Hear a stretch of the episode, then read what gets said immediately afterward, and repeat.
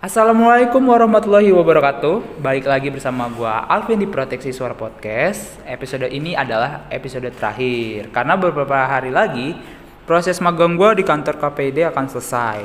Hmm, gue menikmati banget sih kegiatan magang di sini, apalagi gue dikasih kesempatan untuk membuat podcast ini dan dikasih ruangan pula udah seperti studio gue sendiri.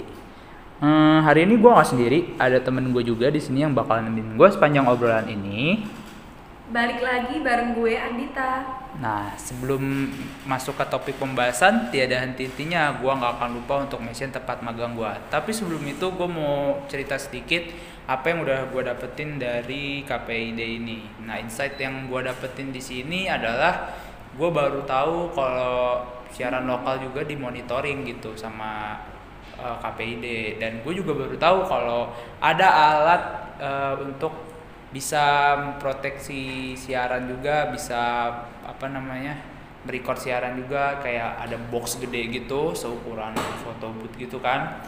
Nah itu menurut gue tuh udah canggih banget apa yang udah dilakukan sama KPD itu sendiri. Dan bisa connect ke komputer-komputer yang ada di sini. Nah Andita kalau misalnya gue tanya apa yang lu udah dapetin di KPD ini gimana? Kalau gue sendiri sih banyak banget yang udah gue dapet dari magang di sini. Antara lain nih kayak dari sini gue belajar tahu mana sih siaran yang pantas buat disiarin dan mana yang kayak nggak pantas untuk disiarin. Terus juga yang paling gue apresiasi di sini tuh solidaritas mereka. Mereka tuh kayak solid banget untuk kerja tim terus yang pasti kakak-kakaknya tuh ramah banget sumpah welcome. Jadi kita yang magang anak-anak baru itu kan jadi lebih mudah untuk membaur bareng mereka. Nggak ada rasa canggung atau kayak gimana gitu. Oke nah kali ini gua akan ngasih tahu fungsi dan tugas KPID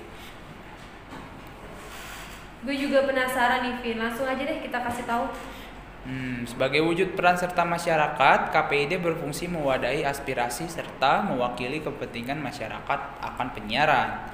Dalam hal itu, KPID mempunyai wewenang yaitu satu menetapkan standar program siaran, dua menyusun peraturan dan menetapkan pedoman perilaku penyiaran, yang ketiga mengawasi pelaksanaan peraturan dan pedoman perilaku penyiaran serta standar program siaran.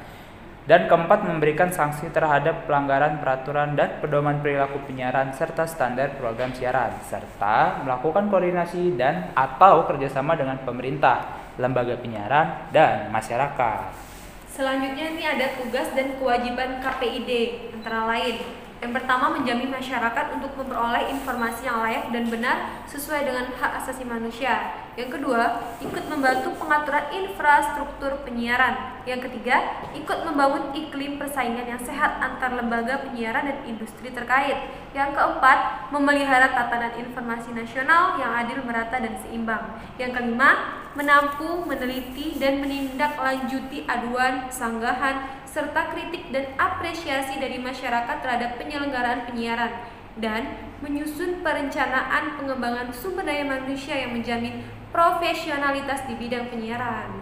Hmm, lalu sebagai lembaga negara yang mengurusi hal-hal penyiaran, KPID memiliki tiga pembidangan, yaitu satu bidang kelembagaan. Bidang ini berkaitan dengan penyusunan lembaga KPID itu sendiri. Lalu ada penyusunan peraturan dan keputusan KPID yang berkaitan dengan kelembagaan tentunya dan juga melakukan kerjasama dengan pemerintah dan pihak masyarakat. Yang kedua ada bidang pengawasan isi siaran nih. Bidang ini berkaitan dengan penegakan peraturan yang menyangkut isi penyiaran. Apabila ada ditemukannya pelanggaran pada isi siaran, maka bidang pengawasan isi siaran ini akan menindaklanjuti dengan P3 SPS-nya gitu. Hmm, ketiga ada bidang pengelolaan struktur dan sistem penyiaran. Menurut gua bidang ini berkaitan dengan perizinan dan pengaturan infrastruktur penyiaran. Nah, itulah sedikit informasi yang bisa kami berikan mengenai KPID. Jadi nggak usah lama-lama lagi ya. Kita akan masuk ke topik pembahasan yaitu peran KPID dalam mengedukasi masyarakat terhadap kualitas isi tayangan televisi di era digital. Nah, Andita, untuk membahas ini kami juga ditemani oleh ex ketua KPID pada periode sebelumnya ada Pak Beni yang sudah hadir di sini. Tapi sebelum itu, kita udah melalui uh, protokol kesehatan ya Andita ya. Jadinya aman gitu kan. Nah, mungkin bisa diceritain dulu Pak eh, kepada para pendengar mengenai profil Bapak sebagai ex ketua KPID silakan Pak. Baik, eh, ini pakai tutup agak repot, audio masih rusak. Benar, Pak. Karena saya sudah eh, saat ini sudah melalui proses vaksinasi dan sudah eh, melalui protokol kesehatan. Baik, terkait dengan KPID, saya seprofil ya, profil saya. Saya bernama Lukman Bandar Sayenda, nama asli. Sehari itu dipanggil Benny atau Ben.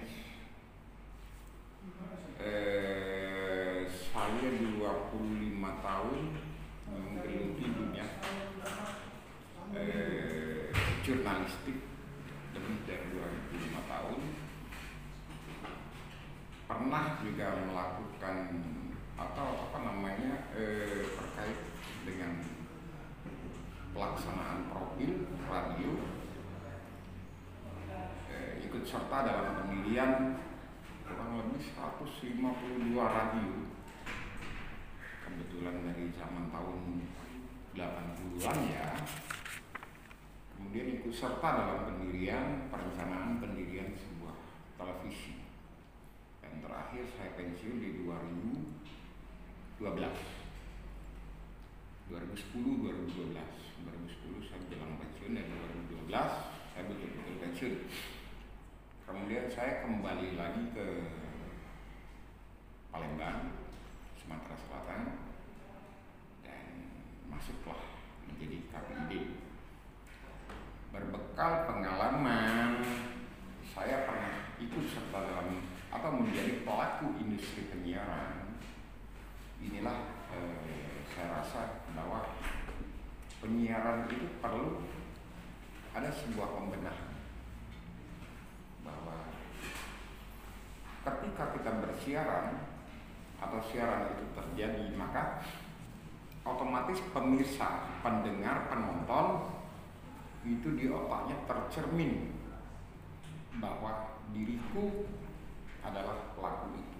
Contohnya anak-anak kepengen eh, sedang asik nonton film Spiderman, maka dia akan merasa dirinya sebagai Spiderman.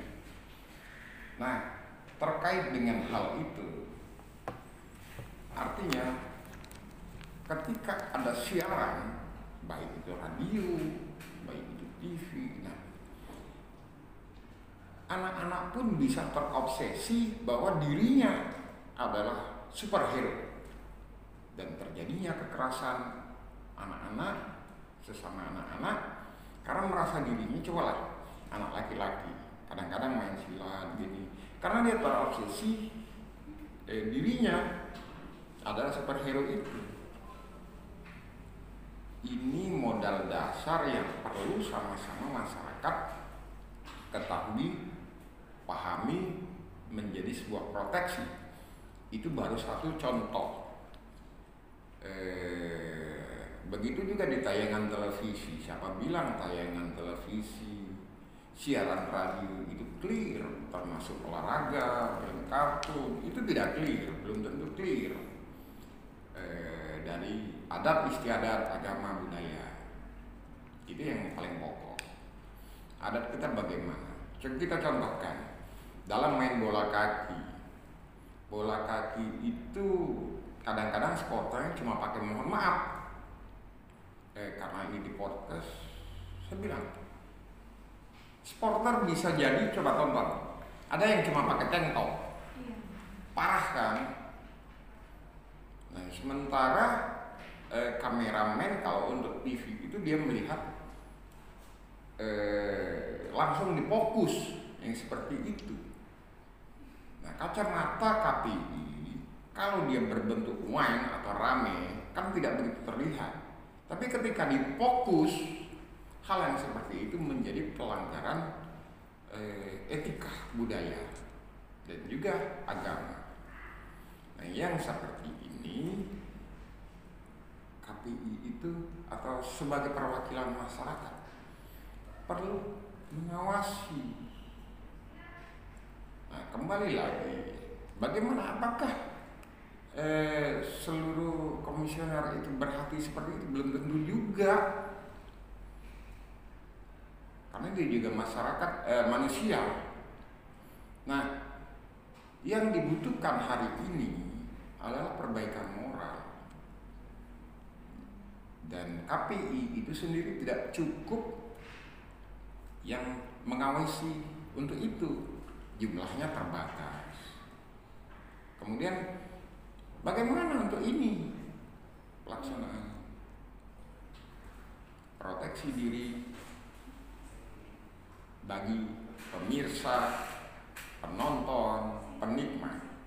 Ya, seperti itu artinya berbekal pengalaman saya 25 tahun lebih bergelut di dunia ini saya berharap adik-adik mahasiswa masyarakat ini memberikan edukasi kepada masyarakat seperti itu kira-kira Baik, Pak. Ya, Andita eh, itulah eh, profil dan latar belakang sedikit latar belakang dari Pak Beni ya. Jadi pada episode sebelumnya Pak, kami sudah berhasil mewawancarai masyarakat terkait dengan bagaimana sih mereka memproteksi dirinya terhadap isi siaran di era digital. Nah, jadi ada permasalahan dari seorang ibu Halimah namanya, seorang ibu rumah tangga mempunyai satu orang anak. Nah, dia ini penonton aktif televisi. Jadi acara program favoritnya itu ialah talk show kajian agama Islam di pagi hari. Nah, menurut dia, dia mengeluhkan kalau program itu ditayangkan sangat pagi sekali dan porsi jam siarannya pun sedikit.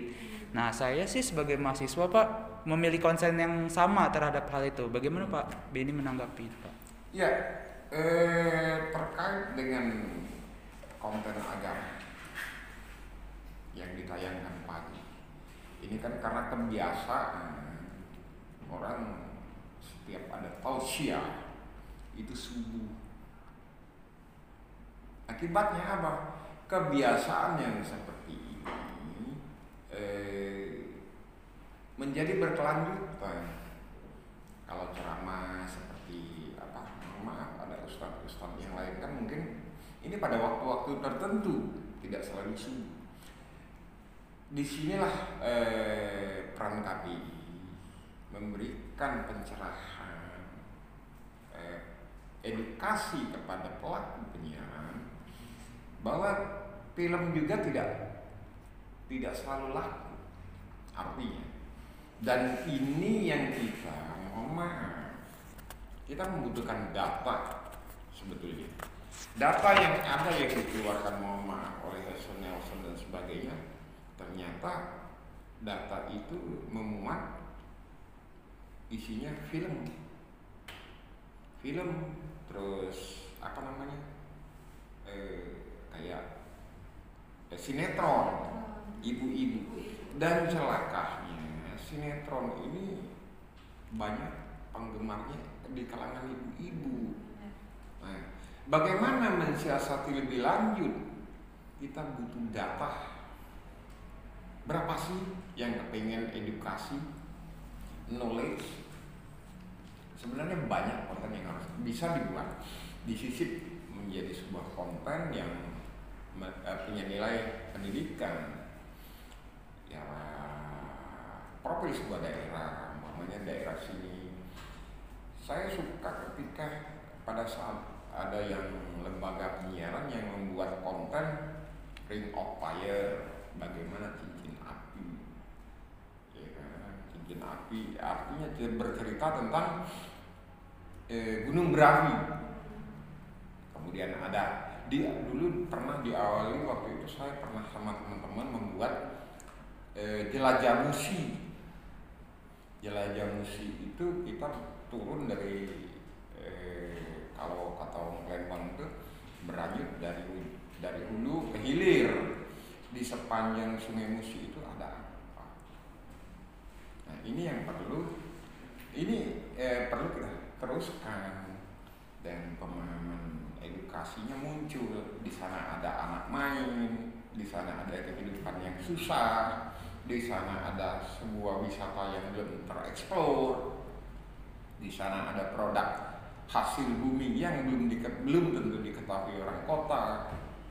Nah, yang seperti ini yang harus juga digalakkan dan kalau saya pribadi itu saya berharap ibu-ibu nih udah dah berhenti nonton sinetron tapi pilih eh, konten-konten yang seperti itu. Ajarkan kepada anak-anak. Kadang-kadang ibu-ibu mohon maaf. Ketika sudah nonton sinetron kita pindah eh, channel marah. Nggak kebagian lagi gitu nonton. Betul, Pak. nah seperti itu. Kira-kira Bu Halimah juga cerita sama aku Dita kalau dia tuh sangat memperhatikan tontonan anaknya gitu. Hmm. Cara dia memproteksi tontonan si anak tuh dengan cara ya apabila kalau dia nonton sinetron atau acara dangdut pada larut malam gitu, maka si anak itu nggak boleh ikut nonton televisi gitu. Ya awalnya Ibu Halimah ini juga kebingungan si anaknya mau dikasih tontonan apa gitu. Karena anaknya itu masih sekolah dasar. Iya ya penyelesaiannya dia bilang adalah ketika si anak sudah menyelesaikan sekolah daringnya ya pada jam tertentu maka ibu Halimah ini akan menyetel tayangan kartun di televisi gitu. Ya kata dia sih menurut menurutnya sejauh ini tuh hal itu cukup efektif gitu nah masuk ke pertanyaan lagi nih pak jadi dari sudut pandang Pak Beni sendiri apa peran KPID dalam mengedukasi masyarakat terhadap kualitas isi tayangan televisi di era digital dan sejauh ini apa yang sudah dilakukan KPID itu pak? Oke, eh, digital itu akan di nanti ini di diawali April ini tadi ada yang namanya simulcast. Simulcast itu bersiaran analog dan digital secara bersamaan. Kita bicara mau analog mau digital prinsipnya itu adalah teknis. Adalah sama terpancar. Baik itu digital ataupun analog eh, kita tidak tidak bicara sebagai masyarakat itu mestinya kita tidak bicara siarannya bening siarannya jernih siarannya asik canggih bukan ke sana jadi kita bicaranya bahwa apa pun yang dipancarkan kontennya bermanfaat atau tidak. Iya pak. Iya kan? Percuma dia digital kalau kontennya sama seperti yang dulu. Betul. Satu perlu dipahami bahwa sebuah konten itu dibuat melalui perencanaan Perencanaan inilah yang disebut framing istilah eh, orang-orang kota di framing. Kalau kata Palembang ngarah ke kiri kiri ke kanan kanan.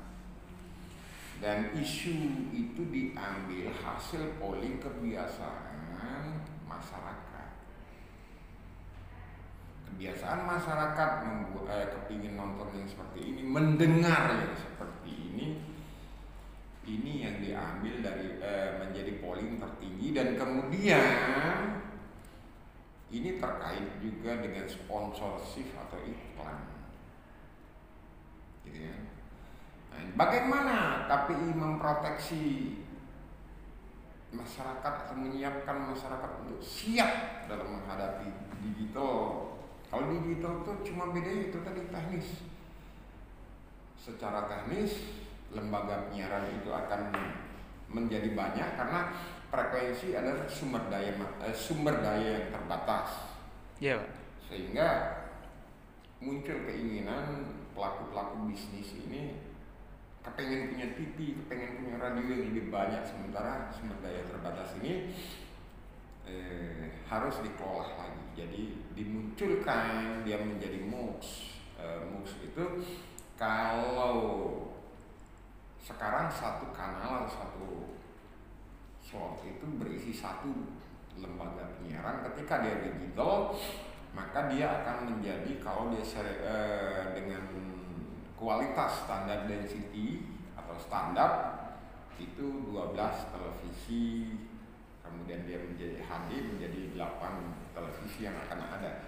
Nah digital itu bukan seperti yang dibayangkan seperti YouTube atau apa, tapi TV-TV yang ada saat ini. Dan akan mungkin nanti akan muncul TV-TV yang baru atau radio-radio yang baru. Saat ini kan umpamanya ada 30 maka kalau satu channel berisi satu MUX akan berisi 12 maka ketika dia ada 5 MUX ada 65 lembaga penyiaran yang akan bersiaran.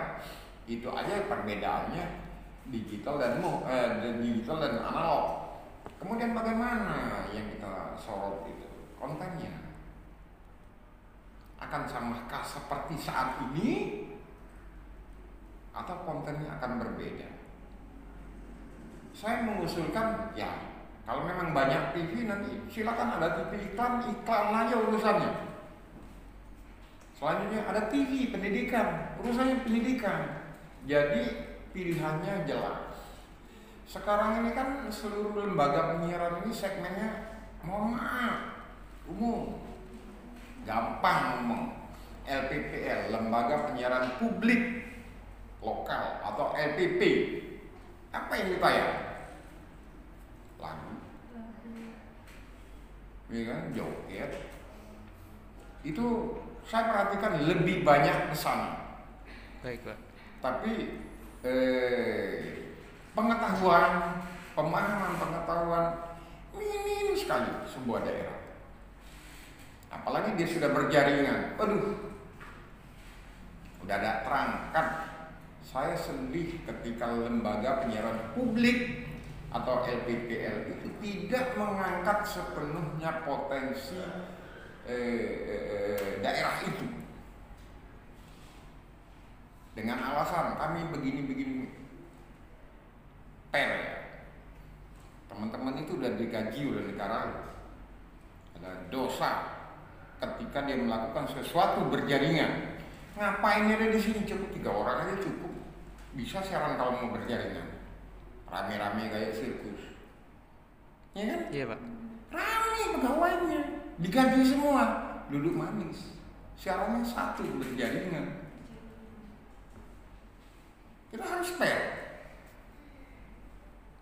Ya kalau nggak mau produksi ya monggo. Ajukan pensiun. Produksilah banyak yang potensi daerah itu yang bisa diangkat, potensi pendidikan yang bisa diangkat. Sekarang ini adalah era keterbukaan informasi. Banyak, saya contohkan dengan era eh, keterbukaan informasi. Kan ada bantuan desa. Kemudian kades-kades ini kan kebingungan. Sebenarnya, mohon maaf, kita tanya, dia dalam mendapatkan kucuran dana untuk pembangunan desanya apa yang dia lakukan? Rata-rata bingung. Bikin spanduk gede-gede, dijemur, spanduk lama-lama hitam, barang dijemur.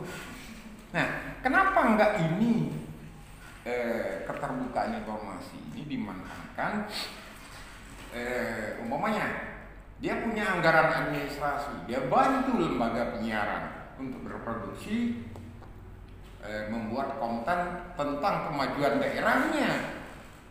Karena lebih cantik. Begitu juga radio, nggak cuma ngomong begini-begini, tiba-tiba musik terus. Ngomong modal komputer satu yang putar musik. Apain? Ini zamannya eh, daring. Cobalah bekerja sama dengan dinas pendidikan. Dinas pendidikan itu kasihan masyarakat di daerah. Saya datang ke daerah harus beli kota masyarakat. Kenapa anggaran itu tidak dipergunakan? Anggaran pendidikan ya. Datang radio, bantu radio itu bayar listriknya, tapi setiap hari, setiap menit isinya sekolah. Mau kok lembaga penyiaran. Karena kunci mereka itu kami pengen bersiaran, tapi siapa yang bayar listrik kami? Siapa bayar karyawan kami? Nah, kalau penyuluh lapangan guru dan dinas-dinas terkait, mau penyuluh lapangan pertanian, dia siaran terkait dengan eh, bagaimana bercocok tanam, berkebun, daripada keliling-keliling PPL keliling-keliling masuk hutan keluar hutan. Efektif kurang lebih baik LP apa PPL itu tadi dia dulu nongkrong di radio. Radio ini bersiaran di kebun karet itu eh, rata-rata bawa radio. Bagaimana bercocok tanam bagaimana pupuknya satu mengurangi kos. Untuk datang ke daerah itu BBM-nya katakanlah. Nah, dia kan bawa motor tuh. Kurang. Nah, kemudian eh, tidak panas-panas. Nongkrong di radio. Siaran di radio. Mau kok radio? Kasih aja duit. Nih bantuan kami untuk bayar listrikmu apabila ini dilakukan di setiap dinas itu melakukan itu mama jam sekian urusan pertanian jam bekerja sama dengan dinas pertanian peternakan jam sekian sekolah dinas kucurin dana ke radio ini bantuin untuk bayar gurunya ngajar di situ di radio. Radio terbantu program edukasi jalan ini yang saya harapkan dari dulu menjadi impian saya. Ya, itu itu sampai sekarang kalau ada duit selalu ada selalu perjalanan dinas. Maaf, saya paling sedikit menggunakan perjalanan dinas. Saya nggak perlu kok. Tapi demi masyarakat, saya siap jalan karena memang kebetulan saya hobinya di sana jalan adventure.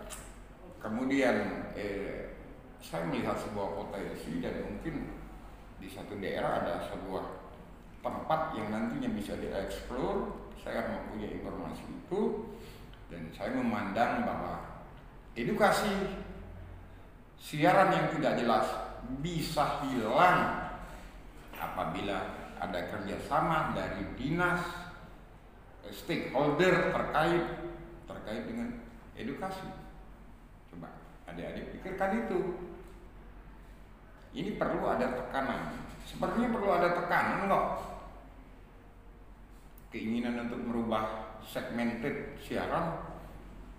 Ya, kalau teriak-teriak kan segmen kami anak-anak ibu-ibu tanya anak-anak ibu-ibu di mana? Nggak ada yang bisa berani. Kalau itu nggak segmented estimasimu. Ya kan?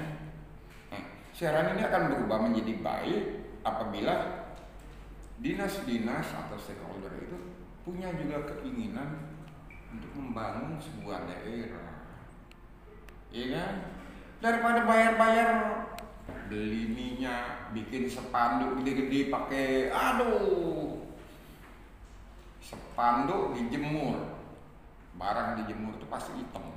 Tua jumlahnya jahat. Hilang buang mubazir lebih baik duit itu walaupun sedikit bantu ke lembaga penyiaran nih kami bantu.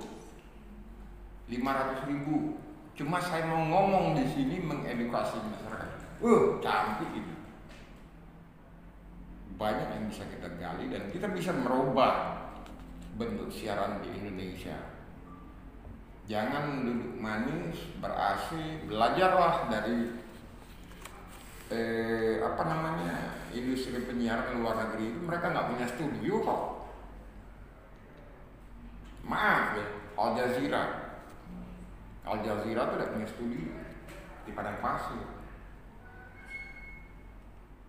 Siarannya dong, apa yang terjadi pada saat itu? Alhamdulillah alam itu Allah itu sudah memberikan kita semuanya dengan studio terbesar di dunia alam. Belajarlah dari situ eh, adik-adik bahwa kita bisa merubah ini kalau kita punya keinginan dan nurani. Saya berharap adik-adik mahasiswa ini ke depan itu turut menyuarakan ini. Tapi ini nggak cukup, cuma tujuh orang kok komisioner, tambah staff. Kalau kita tekan bareng-bareng, yuk kita bikin konten yang bagus, kita bikin ini edukasi, kita bantu. itu konsepnya arahnya begitu ya hasil 25 tahun saya melihat kondisi masyarakat. Wong kita Palembang nih payah hobinya kriminal yang ditonton berjudi ya kan? Dia politik gak tertarik. Ya kan? Mana? Bagaimana ini bisa kita ubah image-nya? Mendengarkan radio terkait dengan umpamanya penyuluhan oh bagaimana bercocok tanam bagaimana eh, beternak ikan adik-adik yang masih SD bisa sekolah di rumah nggak perlu bayar kuota. Dengar lewat radio selesai barang nih. Free. Ngapain sebenarnya kita menghabiskan dana besar-besar? Tapi tidak tahu ya ini ini namanya bisnis. Kalau sudah terkait dengan bisnis walau alam semua menjadi halal ya, harapan saya seperti itu kira-kira Baik Pak. Jadi apa yang aku tangkap dari Pak Beni tadi, Dita, jadi KPD pun mengharapkan eh, konten yang bagus juga dari iya tayangan televisi gitu kan. Nah eh, mungkin Pak eh, besar sedikitnya konten edukasi di tayangan televisi atau siaran lainnya sedikit itu, apakah dipengaruhi oleh rating gitu Pak? ya eh, besarnya atau atau apa ya populernya sebuah rekam eh, konten itu kan dipengaruhi oleh rating Iya.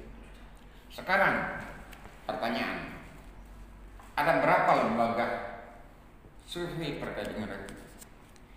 Ya sejauh ini yang saya tahu Nielsen Pak. Cuma satu toh. Iya. Yang di, disurvei apa? Tidak ada yang tahu.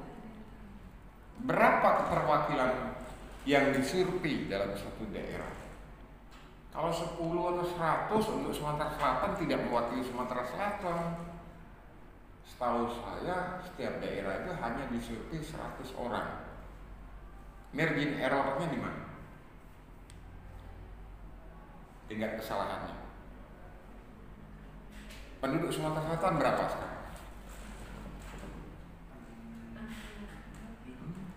Berapa? Sumatera Selatan Sumatera Selatan. 8 juta Nah, Sekitaran 8 juta Pak. Nah, 8 juta diwakili 100. Mewakili enggak? Berapa persen? Tidak mewakili sama sekali sih Pak. Nah, kalau mau survei itu efektif, minimal separuh kita baru ketemu margin errornya. Yang disurvei itu yang mana dulu oleh Nielsen? Orang kota, orang kampung enggak. Nah, gimana kita mau menyatakan bahwa survei ini benar? Wong dusun beda tertib. Nonton TV, jangan ke nonton TV. Radio be cuma nanggar di kebun kalau ada baterai. Nah,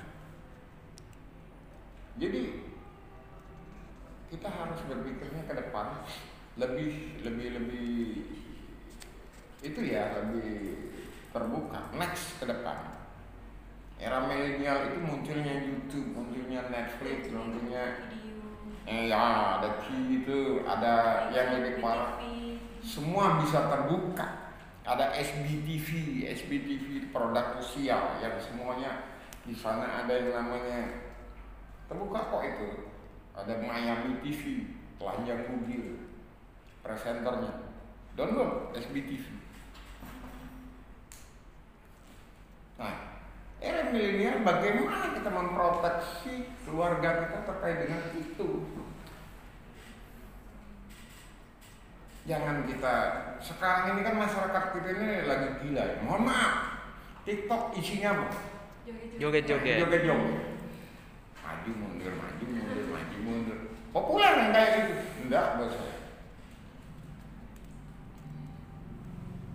Joget-joget mengeksplor diri dengan yang seperti ini, kepengen populer. Pengen populer, jangan pakai istilah orang Israel. Israel itu mereka kepengen populer tuh istilah mereka itu kalau kepengen ngetop kencing sumur zam-zam. Yo Seenggaknya dapat gilanya ya, Pak. ya? iya. Nah nah itulah. Neman itu berjoget-joget dia emang gilo lebih baik bikin konten juga podcast podcast yang ada saat ini. Belum menyentuh kok. Hanya di kalangan selebriti saya. Belum ada podcast yang memuat tentang bagaimana bercocok tanam. Belum ada woy. ayo termasuk kamu saat ini. Podcast masih joget musik. Coba bercocok tanam cak mana berkebun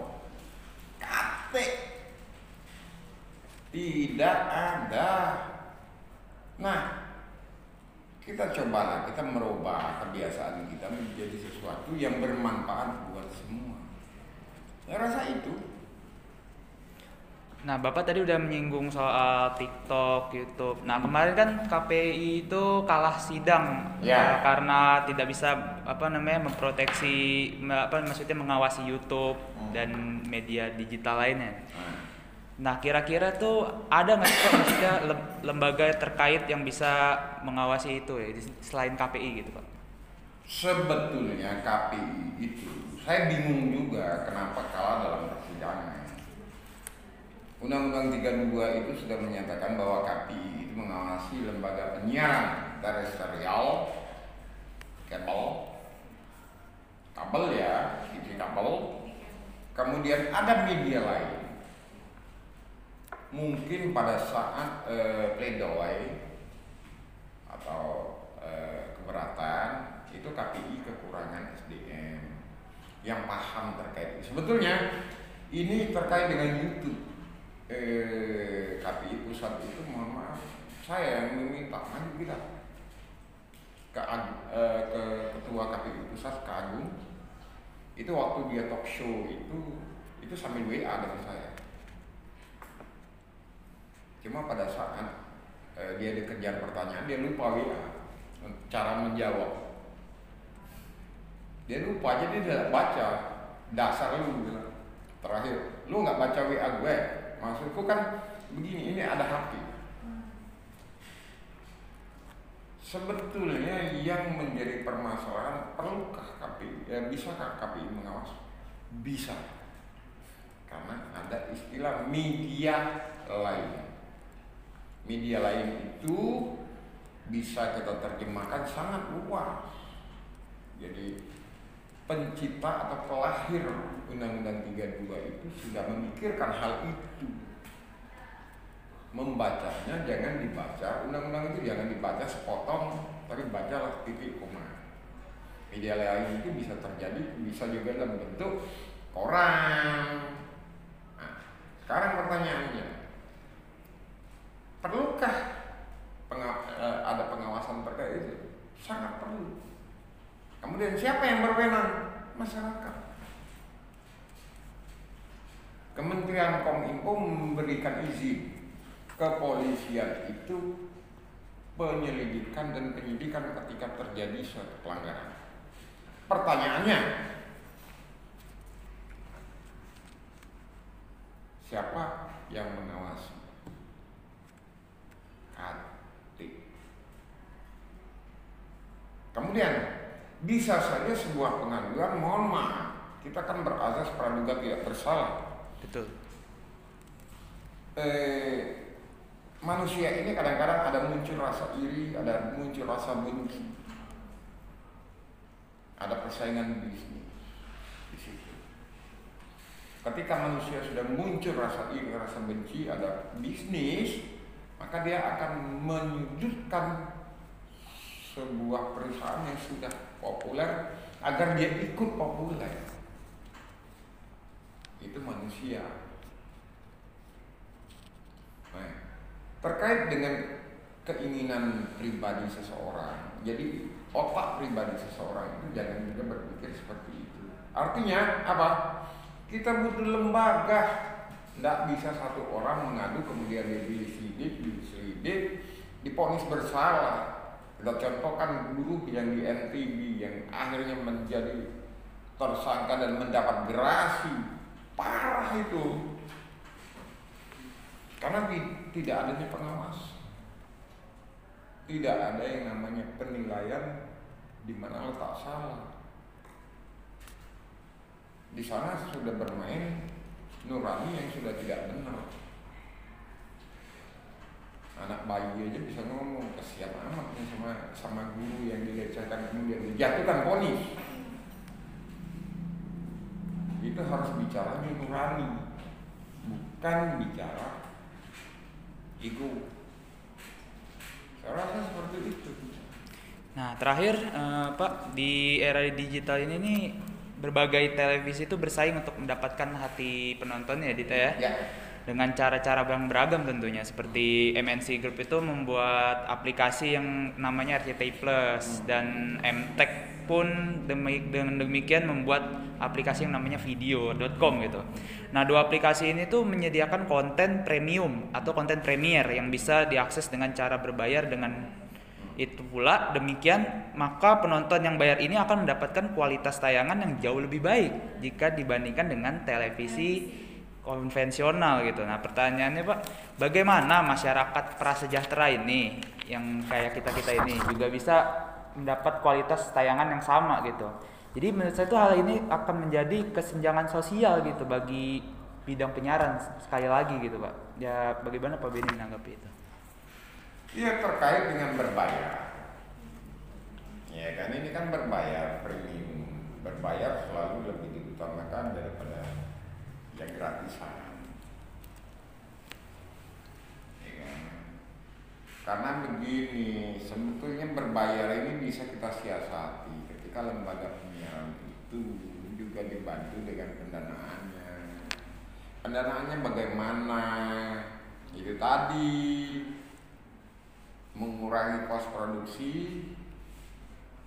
tiap stakeholder itu membantu untuk dalam hal pendanaan ketika pendanaan itu sudah ada sudah bagus maka eh, dia mau tidak mau bisa kita paksa untuk bersiaran sesuai keinginan kita sesuai keinginan masyarakat kau sudah didanai ini terkait juga dengan perebutan iklan. Makanya saya pernah mengusulkan nanti next. Ada lembaga penyiaran saya nggak bicara TV ataupun radio. Lembaga penyiaran yang bersiaran khusus iklan. Dia iklan terus. Kemudian tugasnya apa? Yusuf bagi hasil kepada lembaga penyiaran yang tidak punya iklan. Itu iklan yang dia tarik jadi orang masyarakat tuh punya pilihan aku kepengen nonton iklan kepengen lihat ini di situ. Jangan munafik kita kita eh nanti itu itu tuh dapat duit banyak. Cara penarikannya kan gampang. Yusuf silakan. Jadi eh, dia kan setiap ada transaksi kan ada pajak. Bagi hasilnya di situ. Kena pengenaan pajak. Bagi lembaga penyiaran yang tidak punya iklan sama sekali disupport pembiayaannya untuk bisa hidup. Dan tugasnya apa? Kontennya harus punya nilai pendidikan informatif. Gitu kan? Yang mau iklan iklan dan tidak usah istilahnya tidak usah kita pikir tuh wah ini kayak eh, menjadi suatu raksasa besar. Biarin. Tapi tugasnya apa? Membiayai ini. Yusuf tebankan dia untuk membiayai itu fair dalam bisnis.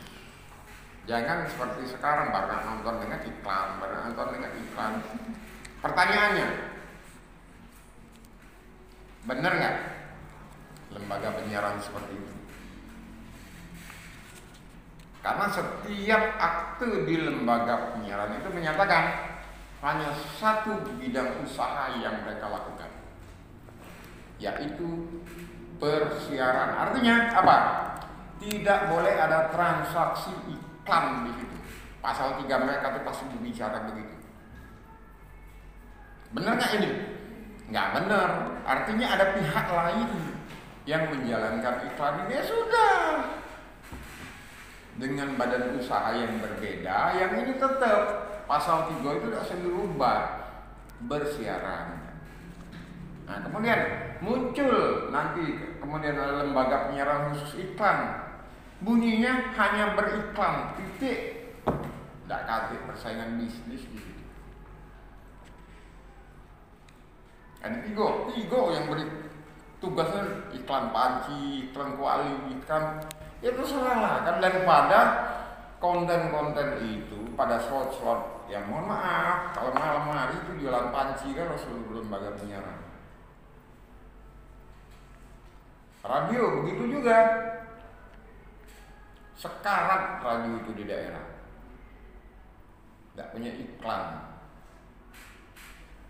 Nah, kemudian masyarakat juga harus paham pelaku industri ini juga harus paham. Kalau saya paling pantang memberikan uh, merekomendasi suatu permohonan ketika dia cuma ngomong saya kepingin bikin mohon maaf radio atau TV ya. Saya pengen bikin ini karena saya hobi. Saya pengen bikin ini karena saya punya duit banyak. Adalah bohong dia hobi bisa mendanai itu. Dia tahu nggak dulu? Kalau saya ketika mereka mengajukan seperti itu saya tanya. Bikin izin satu hari bisa. Setahun kemudian bagaimana dia ini bisa hidup? Kalau kamu tidak tahu arah ke mana cari duitnya ya jangan nak siaran menduit negatif jadi jangan hanya ego semata dan keinginan politik semata. Banyak ini, oh banyak tontonan.